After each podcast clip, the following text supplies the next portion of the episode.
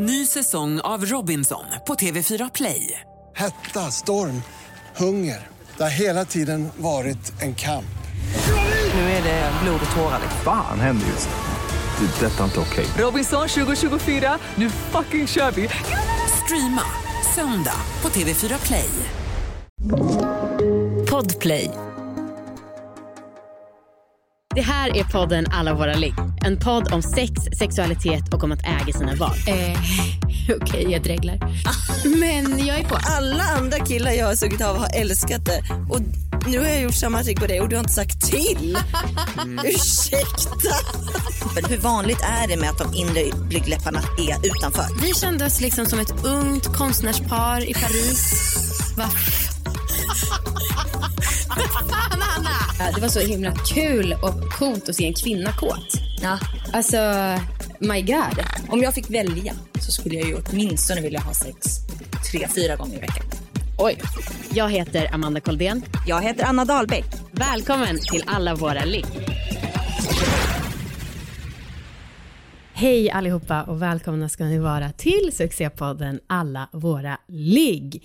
Och nu skulle Anna sagt Hej! Jag heter Anna och du heter Amanda.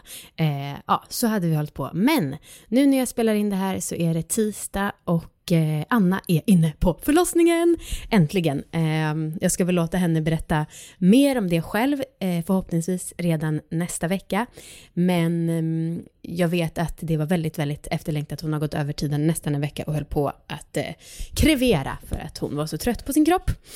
Jaha, och hur är status med mig och mitt sexliv undrar ni? Det är jättekonstigt att spela in podd här helt själv. Det har inte jag gjort på fem år, men hittills so far so good. Jag sa ju för två veckor sedan att eh, Viktors och mitt sexliv har hittills faktiskt blivit mer intensivt än vad det var, ja, vad det varit på typ två år. Och det som jag skulle ha berättat för Anna nu, om hon var med, det är att den jävla ironin i att vi under hela den här perioden haft obegränsad tillgång till kondomer men aldrig använt dem för att vi båda haft preventivmedel och sen då har ju jag som ni vet velat ha spermier i mig eftersom att vi har försökt få barn. Men nu nu kan jag inte tänka mig något värre än att jag skulle eventuellt bli gravid.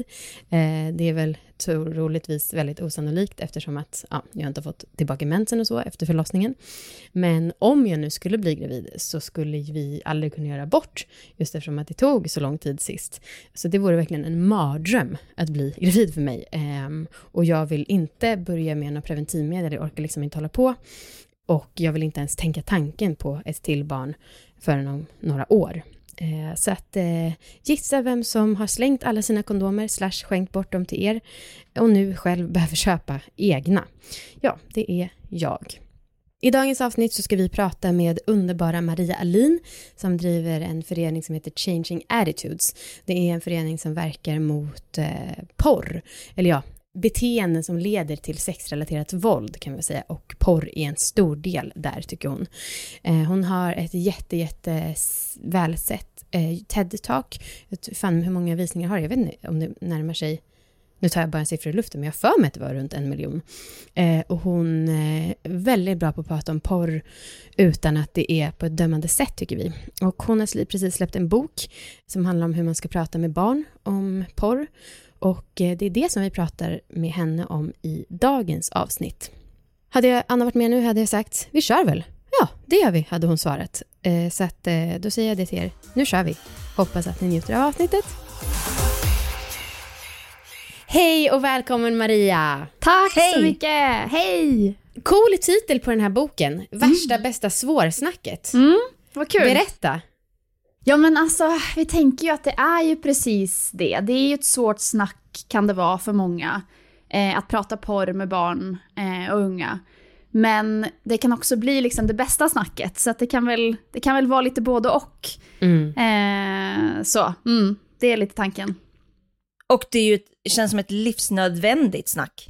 Ja, alltså jag håller med. Det, det håller jag verkligen med om. Och det är verkligen min erfarenhet också att när man har besökt skolor till exempel och träffat barn och unga att eh, de vill prata porr, eh, de har jättemycket att berätta och väldigt många vuxna kanske är de som tycker att det är svårare än vad barnen tycker.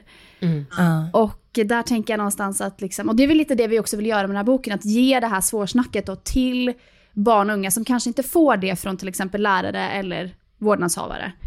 Eh, så täcka upp lite där. Alltså det förvånar mig rätt mycket att barn ändå vill snacka. För att jag, det, det kan jag liksom inte känna igen överhuvudtaget mig själv. Nej. Att jag ville prata om min, min porrkonsumtion när jag var liten. Nej, Fanns inte på alltså- kartan liksom. Men, men du upplever att barn ändå vill. Ja men jag känner igen mig, alltså, jag hade inte heller velat om man säger. Och jag tror att skillnaden kanske går lite i ehm, alltså barn slash liksom tonåring. Jag tror att barn, för det är Ja. min upplevelse, att barnen är väldigt så ivriga och vill jättegärna berätta. Och sen när man blir tonåring, då är det lite mer pinsamt och lite känsligare. Liksom. Och då får man, så här, man får lirka lite mer. Ehm, så. Men, och sen tror jag också så här, alltså en fördel väldigt mycket från mitt håll är ju att jag kommer in till exempel i ett klassrum eh, som en, alltså en okänd person. De vet ju inte vem jag är. Så att det de berättar för mig, det behöver de liksom inte tänka på dagen efter om man säger, när de sen ska ha mattelektion med mig till exempel. Så jag tror att jag slipper undan lite liksom där. Eh, eller att det kan liksom hjälpa. Vad snackar vi för ålder när vi snackar barn? Alltså jag har ju träffat barn nere i förskoleålder. Eh, Och då är det ju inte liksom den här typiska, vad ska man säga, porrföreläsningen. Liksom. Nej, Nej. för de har, det är väl väldigt ovanligt att de har sett porr. Ja, det är absolut ovanligt. Sen så är det ändå så att väldigt många kan ju, alltså Sen kan jag aldrig veta om det är porr vi pratar om, men väldigt många barn, unga, eller barn då framförallt i den åldern kanske kan berätta om saker de har sett på nätet som de kanske benämner som liksom jobbiga och äckliga bilder, typ så. Men jag kan ju inte då veta om det är porr som de har sett.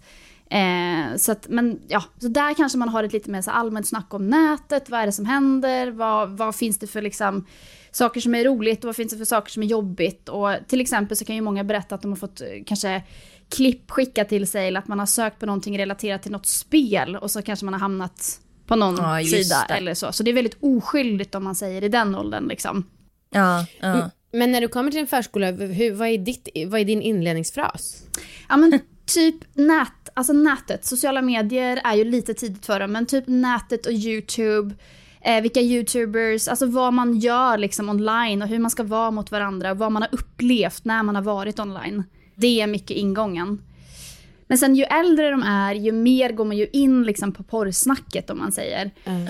Eh, och då skulle jag säga att från kanske, mm, ja men det beror ju på, alla är ju såklart olika, men från typ så här fyran slash femman, sexan, ungefär där, kan man ändå, tycker jag, gå in lite mer på liksom på just frågan om porr. Såklart på ett åldersanpassat sätt där också naturligtvis. Mm.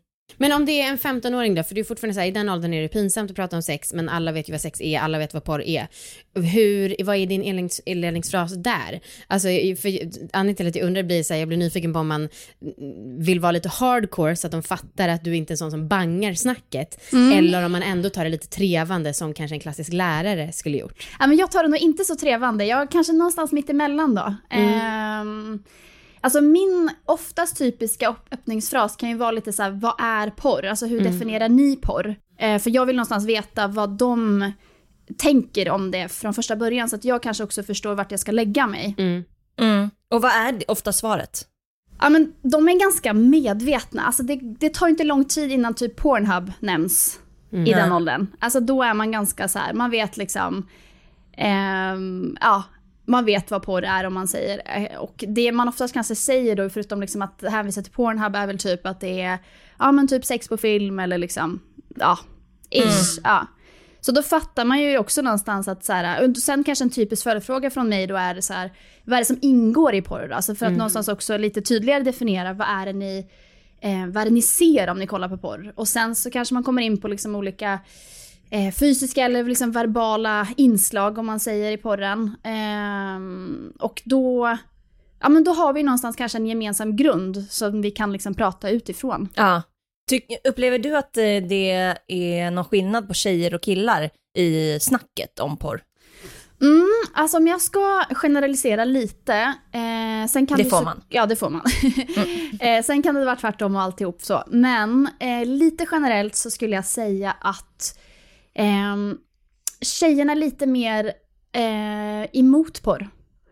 Och killarna är lite Mm. mer för porr. Det skulle jag säga är lite sådär en typisk grej. Ehm, och att kanske tjejerna tar lite mer allvarligt på det och kan liksom ganska snabbt eh, uttrycka ehm, eller liksom berätta om erfarenheter som kanske inte varit positiva medan kanske killarna kan vara lite mer sådär, äh, det är inte så farligt. Eh, typ. L- Lite Mm. den. Sen kan det vara tvärtom också, absolut.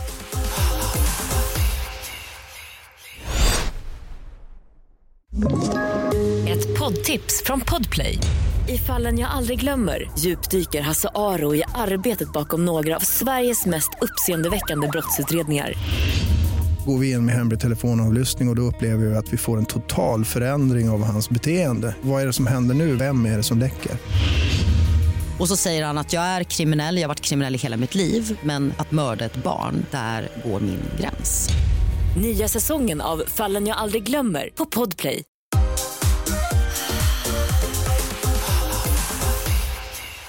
Min fördom är så här att när barn kommer i kontakt med porr första gången och det här lite man föreslår för varandra kanske, det är att det kanske är en tioårig kille som kanske har en alkad farsa eh, och en mamma som är lite frånvarande, som har hört talas om det, inte mår så jättebra, vill ändå vara cool och tuffa sig och säger då till sina tre mindre kompisar som kanske har en ganska trygg familj men som ändå är meddragen i den här ledarkillens stil. Att han säger, öh, har ni kollat på porr eller? Och de bara, nej vad är det? Han bara, jag ska visa. Alltså typ så. Hur, hur sant är det? Men gud, att du också förutsätter att det är, en, det är, någon, det är någon med problem. Ja, det gör jag. problematisk bakgrund. Ja. Alla fördomar. Mhm. Ja men jag gör det för att jag tänker att det är så här ofta, ja, men någon som börjar röka i den åldern, det känns, min, mitt intryck är absolut att det är för att man har lite kanske mindre trygg uppväxt. Ja, ja, men alltså, I hear you. Um, alltså hur, hur vanligt det är kan jag kanske inte riktigt svara på. Men, Ja okej, så det var inte hundraprocentigt. Synd. men liksom, alltså, ja men så här, det, det man kanske kan säga lite utifrån lite forskning och sådär, det är väl att barn som sen blir tonåringar och ungdomar som kanske utvecklar en mer eh, problematisk konsumtion då. Eh, att man till exempel upplever att liksom det blir lite mer tvångsmässigt och kanske till och med åt liksom ett beroendehåll. Mm. Eh, där så ser ju till exempel inom liksom beroendeforskning allmänt så ser man ju att, att det kan ju faktiskt vara så att, att det är ett uttryck för trauma eller för något typ av liksom dysfunktionellt eh, på hemmaplan som gör att man kanske flyr då till någonting. Eh, och i det här Mm. fallet porren, sen kan du egentligen vara, egentligen tänker jag vad som helst, vad som egentligen finns tillgängligt för dig när du är 16 liksom. Um, och det handlar ju då mer egentligen kanske om användaren, att man kanske använder det då på ett mer destruktivt sätt om man säger. Det jag tänkte mest på, varför, mm, så för om barn kommer i kontakt, alltså jag fattar att man kan komma i kontakt via så här spel och så med, i appar, men om varför, för det finns väl ändå ett gäng som föreslår för varandra, ö ska vi kolla på porr? Ja. Men är, är det samma mekanism då som när så här, ö ska vi tjuvröka? För man vet att det är förbjudet, det är lite läskigt. Mm. Kompisarna vågar inte säga nej. Typ. Ja men alltså säkert. En typisk grej som jag får höra det är ju att man har satt på, eller att någon i klassen har satt på ett porrklipp på typ paddan eller på liksom Ja. någon data i datasalen typ. Och Mm. sätter på det jättehögt och sen så springer man därifrån. Eh, ja, för att liksom så här, ja men som ett skämt, alltså så. Eller också att, typ att man skickar ett porrklipp till någon annan som man kanske också vet om. Ja men man kanske ser på den personen som lite mer oskyldig då, så tycker man att det är kul att liksom driva lite med den personen och skicka då ett porrklipp. Så att, Ah. ja, det är klart att liksom, vad ska man säga, den sociala liksom, det spelet som ingår i att vara ungdom i en skola och med alla jargonger, det är klart att det liksom, det blandas ju in ehm, i hela liksom den här frågan också. Mm. Ja. Men har de här ungdomarna eller barnen som du pratar med, har, har många av dem haft snacket med sina föräldrar? Nej, det Eller kommer det. liksom allting första gången när du kommer dit? Ja, alltså grejen är så här, att jag brukar också alltid fråga hur många av er har pratat porr med en vuxen, eller egentligen kanske åt andra hållet, hur många vuxna har pratat porr med er? Och jag skulle säga att Alltså det är typ inga som kan räcka upp handen på den frågan. Eh, Ah. Kanske några, eh, men det är ytterst få och det är alldeles för få om man jämför med hur många som faktiskt kollar porr. Ah. Så det är glappet liksom, att det är typ alla sett porr och typ ingen har haft de här samtalen. Mm. Mm. Det måste vara så jävla svårt för dem när du kommer dit sen, eh, att de på något sätt måste analysera för första gången vad det är de har sett, eller? Alltså, jag skulle säga så här, för det, det ser man också i studier att ungdomar, när ungdomar pratar porr så gör de det med varandra. Så att min känsla är ändå inte att det är första gången de pratar porr, så känns det inte. Så framför allt såklart när de är lite äldre. Eh, typ från nian och uppåt skulle jag säga, då är det liksom jättemycket reflektion och man har ganska mycket tankar och starka åsikter. Ehm, sen handlar det ju såklart mycket om den som glider in i ett klassrum, alltså hur får du till det här snacket? För det är lite grann en, en dans på något sätt som behöver hända. Liksom. Du Mm. behöver faktiskt liksom, ehm, ja, men man behöver vara finkänslig, man behöver liksom känna av och titta liksom lite extra noga på ansiktsuttryck och kroppsspråk och liksom ställa mycket följdfrågor. Jag står ju aldrig där och bara håller en hel föreläsning och sen aldrig ställer en fråga, utan Nej. mitt bästa är ju när det typ är minst 50-50. Bli- blir du nervös? För vi, när, vi hade för, när vi föreläste, då var ju vårt värsta att träffa tonåringar för de är så himla stoneface. Alltså jag var aldrig så nervös som inför tonåringar samtidigt tyckte jag att det var det som var det viktigaste. Och jag tycker också att det är extra läskigt att prata om porr, för det känns som att man inkräktar på ett revir, att många anser det som ens rättighet att få kolla på porr. Mm. Eh, och om man ifrågasätter det så är man liksom, ja, sorry to say it, man är inte så cool. Nej, man är tråkig. Mm. Ja, ja, men jag fattar. Alltså nej, jag är inte nervös, men jag förstår precis vad du säger Amanda, för det är en svår publik. Det är nog den svåraste publiken. Eh, kan jag säga. Alltså, det är ju, jag är ju aldrig så trött som när jag kommer ut från ett klassrum och träffar tonåringar. För då har jag liksom, ja men jag har typ haft en teaterföreställning liksom, föreställning, känns det Ja. som. Alltså jag Ja. har använt allt jag har och är för att liksom så här, keep their attention och liksom hålla det intressant och hålla dem inkluderade och liksom Ja, mitt bästa betyg är ju när folk, när de stannar kvar i klassrummet, då vet man ju så här, okej, det, Ja. det gick inte åt skogen. Just det. Nej.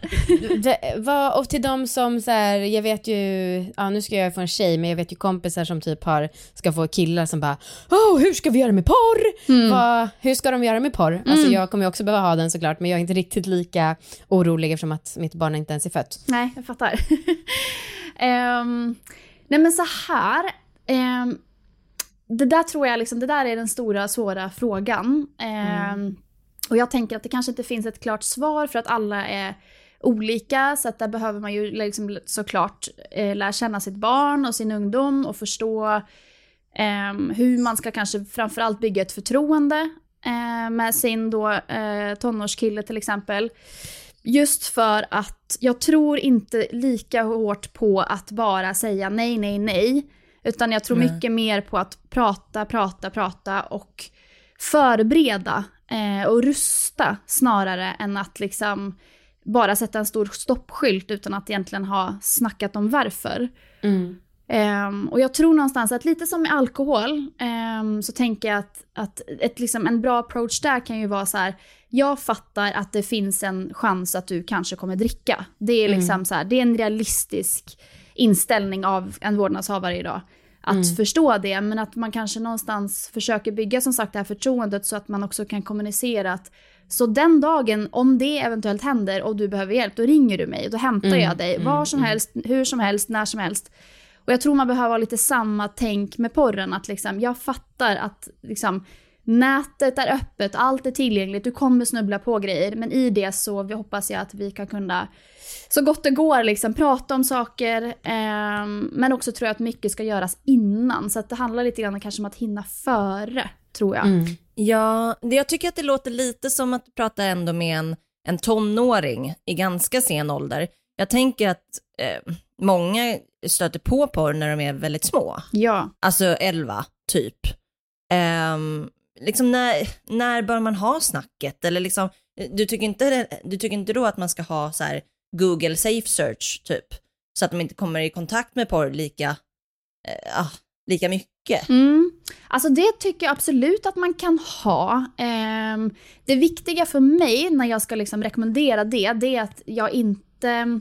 Jag vill inte att någon förälder ska tänka att det löser frågan. Mm. Nej, det är sant. Så det, det, tror jag liksom är, så länge man är tydlig eh, med att så här, det här är ett komplement och det är inte liksom huvudlösningen. Då tänker jag att det kan vara jättebra. Framförallt som du säger ju för små barn så är det ju liksom klockrent. Eh, om man känner att så här, mitt barn är så oskyldigt och det är liksom inte alls läge att så här, gå in på hela den här svåra världen liksom. Eh, så att då vill man kanske så här, skjuta upp det några år i alla fall. Mm. Men alltså när det gäller typ så här, när man ska ta snacket, då ska jag säga att du ska börja mycket tidigare än du tror. Um, men du kanske inte ska börja på det sättet som man tror. Som sagt, det kanske inte behöver vara liksom den här porrföreläsningen för tioåringen, utan lite mer från väldigt tidig ålder, kanske alltså spädbarnsålder ungefär, att man faktiskt liksom börjar eh, kommunicera liksom med gränser och kropp och Um, och så fort också såklart ett barn kan kommunicera med ord, att man verkligen så här, sätter ord på könsdelar och pratar positivt om kroppen och allt det här och gränser och, um, och intimitet sen när de blir äldre. Alltså jag tror att mycket, um, mycket kan göras om vi liksom pratar positivt om kropp och sex innan man kanske känner att nu är det dags att gå in på porren.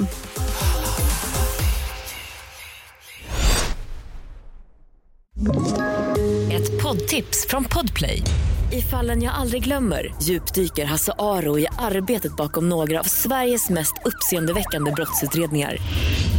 Går vi in med hemlig telefonavlyssning och, och då upplever vi att vi får en total förändring av hans beteende. Vad är det som händer nu? Vem är det som läcker?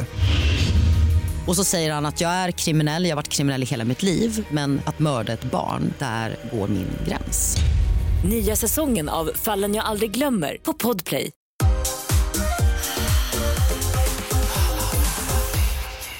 Vi har pratat en del om föreställningar som vi har fått genom att kolla på porr.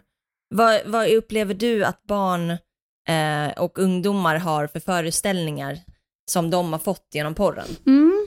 Eh, men det är ju de här, eh, jag önskar att jag kunde säga någonting annat än liksom, vad ska man säga, det typiska svaret här, men det är verkligen de här eh, stereotypa föreställningarna.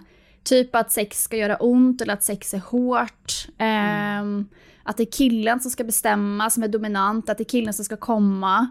Ja men att tjejen gillar, liksom utan kommunikation egentligen kring det, men att man alltid ska utgå ifrån att tjejen vill ha det hårt om man säger. Mm. Och det här är någonting de säger ändå öppet till dig? Absolut. Att de, de tror att det är så? Ja men att i alla fall, eller så här, det här tycker jag också är väldigt hoppfullt. Att jag tycker att de kan vara ganska duktiga på att säga att det är det porren vill förmedla. Mm.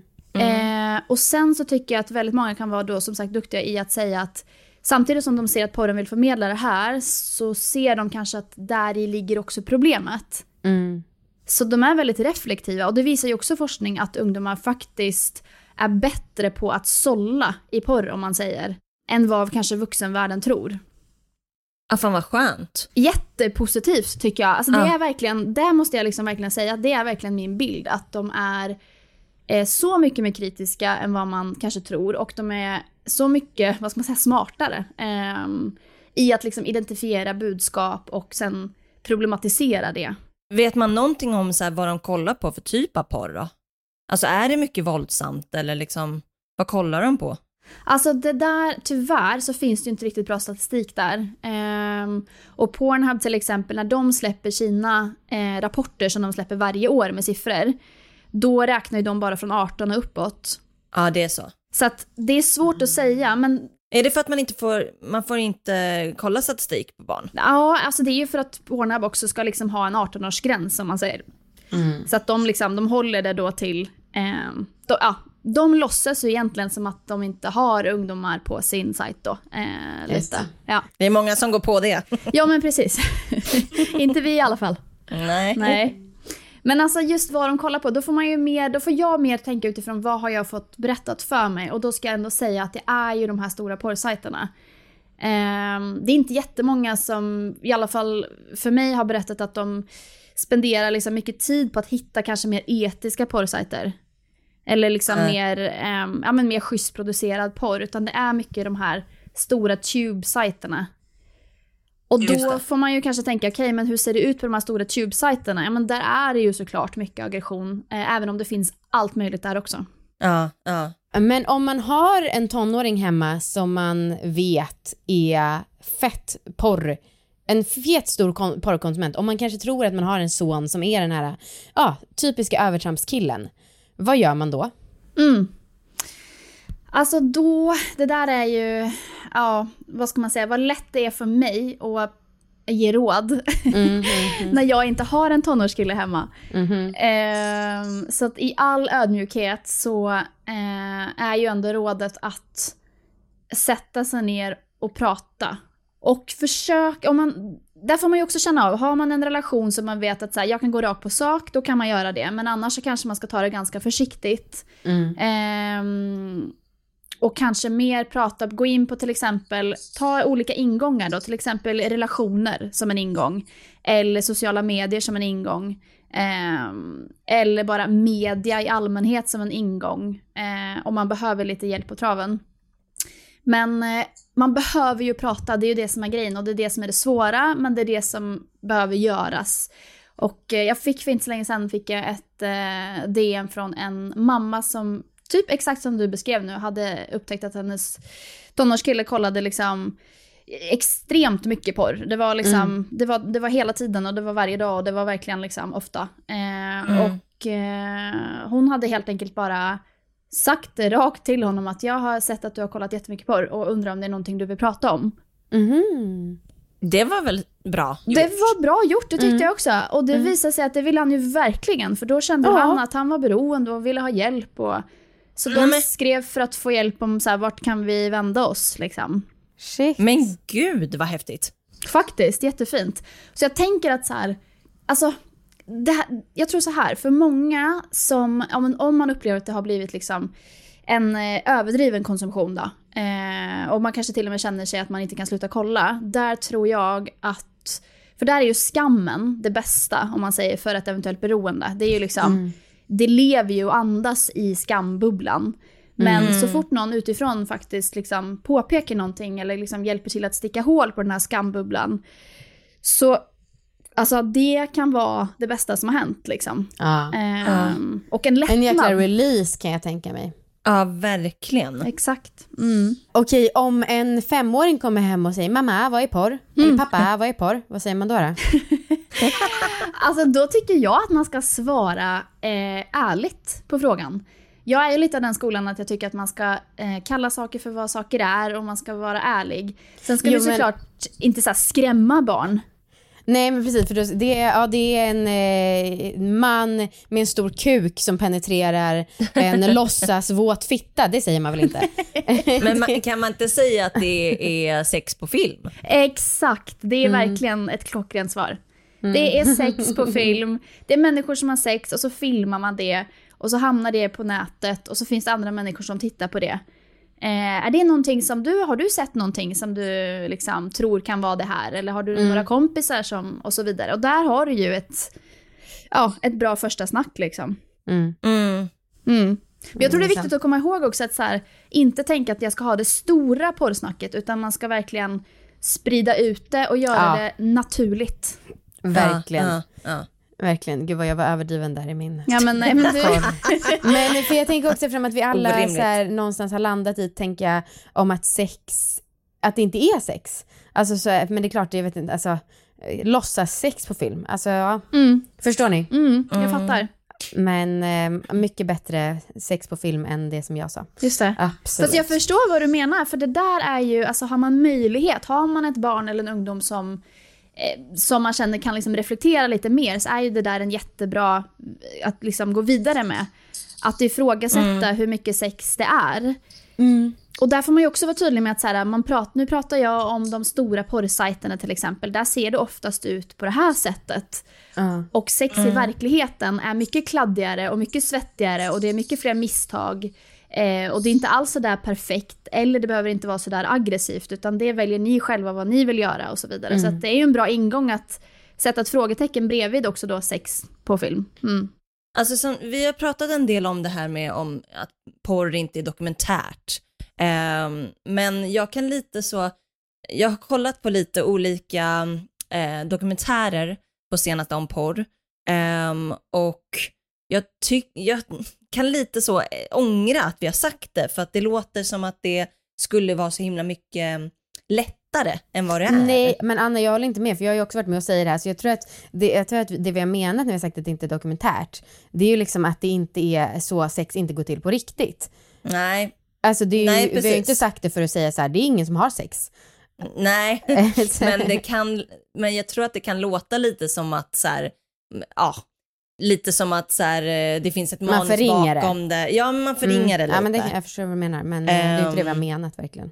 Nej, Mm. men att, och att det också sker väldigt mycket skador under inspelning och liksom förnedring och sånt. Mm. Ehm, som kanske också är ännu värre än det som kommer ut i klippen, för att klippen, det klipps ner väldigt mycket och Mm. den här personen kanske skadas under en väldigt mycket längre tid än vad som kommer med på film. Jag vet inte riktigt vad jag vill komma med Nej, det, men, men- ja, men vad tänker du liksom att barnen och ungdomarna tänker om det här med om det är på riktigt eller inte? Ja. Alltså dels som sagt så ser jag ju så här hoppfullt på det att väldigt många är duktiga på att så här, nej men det där ska kanske inte jag testa eh, till exempel. Men jag tänker också att så här, det finns ju alltid en risk vid att säga att, ehm, att det inte är verkligt det som händer. För att det, det som händer, händer ju om man säger. Alltså det vi faktiskt ser på filmen har ju hänt. Och där skiljer det Mm. sig ju från, låt säga att du är 13 och kollar på en actionfilm och någon blir skjuten. Mm. Så du dör ju inte i filmen. Nej. Men i porren, så Ja. alltså, har du blivit eh, strypt och slagen så har du ju blivit strypt och slagen. Du lägger ingen värdering egentligen i de handlingarna så, men bara just att det som händer i porren har, Har ju hänt. hänt. Så det är ju fortfarande verkligt. Sen så är det ju en skillnad, man kanske inte... Även om det som händer i porren är verkligt så är det ju också regisserat till stor del. Eh, och det ska man ju också vara medveten om att eh, ja, men väldigt många kan ju faktiskt ha, det finns ju en hel del porrfilmer som faktiskt också har inledningen innan man börjar spela in. Så sitter man till exempel, så kanske tjejen då sitter i en soffa och pratar med regissören som sitter bakom kameran. Mm. Och så går man igenom egentligen hela filmen och alla scener och vad som ska hända. Mhm. Och det kan man ju ofta inkludera i en porrfilm till exempel idag. Så att, eh, ja, och då får du ju också på något sätt veta att så här, okej, men då är det ju ändå skådespel om man säger. Samtidigt som, som sagt, det som händer händer på riktigt. Så att, did it make sense? ja, det vet inte. Heller. Gud, Maria, nu vet inte jag om vi pratade om det här sist du var med. Eh, det är mycket möjligt, men vi, får- vi får ju väldigt mycket frågor från tjejer som bara åh, han kollar på porr, eh, jag känner mig otillräcklig, vad kan jag göra? Och han fattar inte varför jag blir sårad. Vad kan man säga? För jag vill liksom inte själv om jag tycker, alltså jag vet inte ens vad själv vad jag tycker så att säga har rätt inom citationstecken. Nej. Det måste ju inte vara någon som har rätt, men jag vet inte om jag, tycker, om jag tycker att man kan förbjuda sin partner att kolla på porr. Nej. Men vad skulle du säga till en sån frågeställare? Ja, alltså jag, jag håller med dig eh, i att jag vet inte heller om man kan förbjuda någon. Eh, faktiskt. Men jag tänker att i en relation där man har det bra och där man pratar med varandra och kommunicerar så har man ju å ena sidan kanske inte möjlighet att förbjuda någon annan men å andra sidan har man ju möjlighet att sätta upp gränser för sig själv om man säger. Vad, vad accepterar jag? Vad, hur vill jag att det ska vara i min relation? Ehm, och jag tror också att mycket kan nog kanske bli hjälpt av att man faktiskt pratar om det så att man kanske också förstår varför eh, sker konsumtionen om man säger. Är det ett Mm. beroende eller är det liksom bara eh, vad ska man säga, är det så att personen har ett väldigt, liksom, om man säger ett bra förhållande till det, så att det inte egentligen är problematiskt? Ehm, är det någonting som har uppkommit ses, liksom, sista månaderna till exempel? Eh, och vad beror det på? Är det, liksom, är det någonting som saknas på något annat plan? Är det något som är jobbigt, flyr ifrån någonting? Och så vidare. Så jag tror att man kan liksom, mycket är vunnet vid att identifiera anledningen. Mm, mm, mm, just det. Sen är det ju såklart viktigt att, för jag får ju också de här DMsen hela tiden om, om exakt det här, både från killar och tjejer som känner att så här, ah men shit min partner kollar porr, det känns inget bra. Eh, och där tror jag att ett, det kan kännas bättre om man pratar om det, men två, känns det fortfarande inte bra så har du rätt att eh, lyssna på dig själv, tänker jag Mm, är liksom ja. viktigt att förmedla. Ehm, så man har rätt att sätta de gränserna för sig själv, men, kan, men så får ju det få de konsekvenserna som det får då. Ja, ja. Toppen svar. Bra. Ja. Eh, tack så jättemycket för att du var med. Ja men tack Verkligen. hörni. Ni är Ah. så bra. I love you. Detsamma. Du är så bra. Eh, hej då alla lyssnare. Hej då alla lyssnare. Hej då.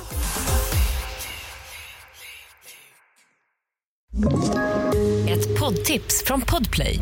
I fallen jag aldrig glömmer djupdyker Hasse Aro i arbetet bakom några av Sveriges mest uppseendeväckande brottsutredningar. Går vi in med hemlig telefonavlyssning och, och då upplever vi att vi får en total förändring av hans beteende. Vad är det som händer nu? Vem är det som läcker? Och så säger han att jag är kriminell, jag har varit kriminell i hela mitt liv men att mörda ett barn, där går min gräns. Nya säsongen av Fallen jag aldrig glömmer på Podplay.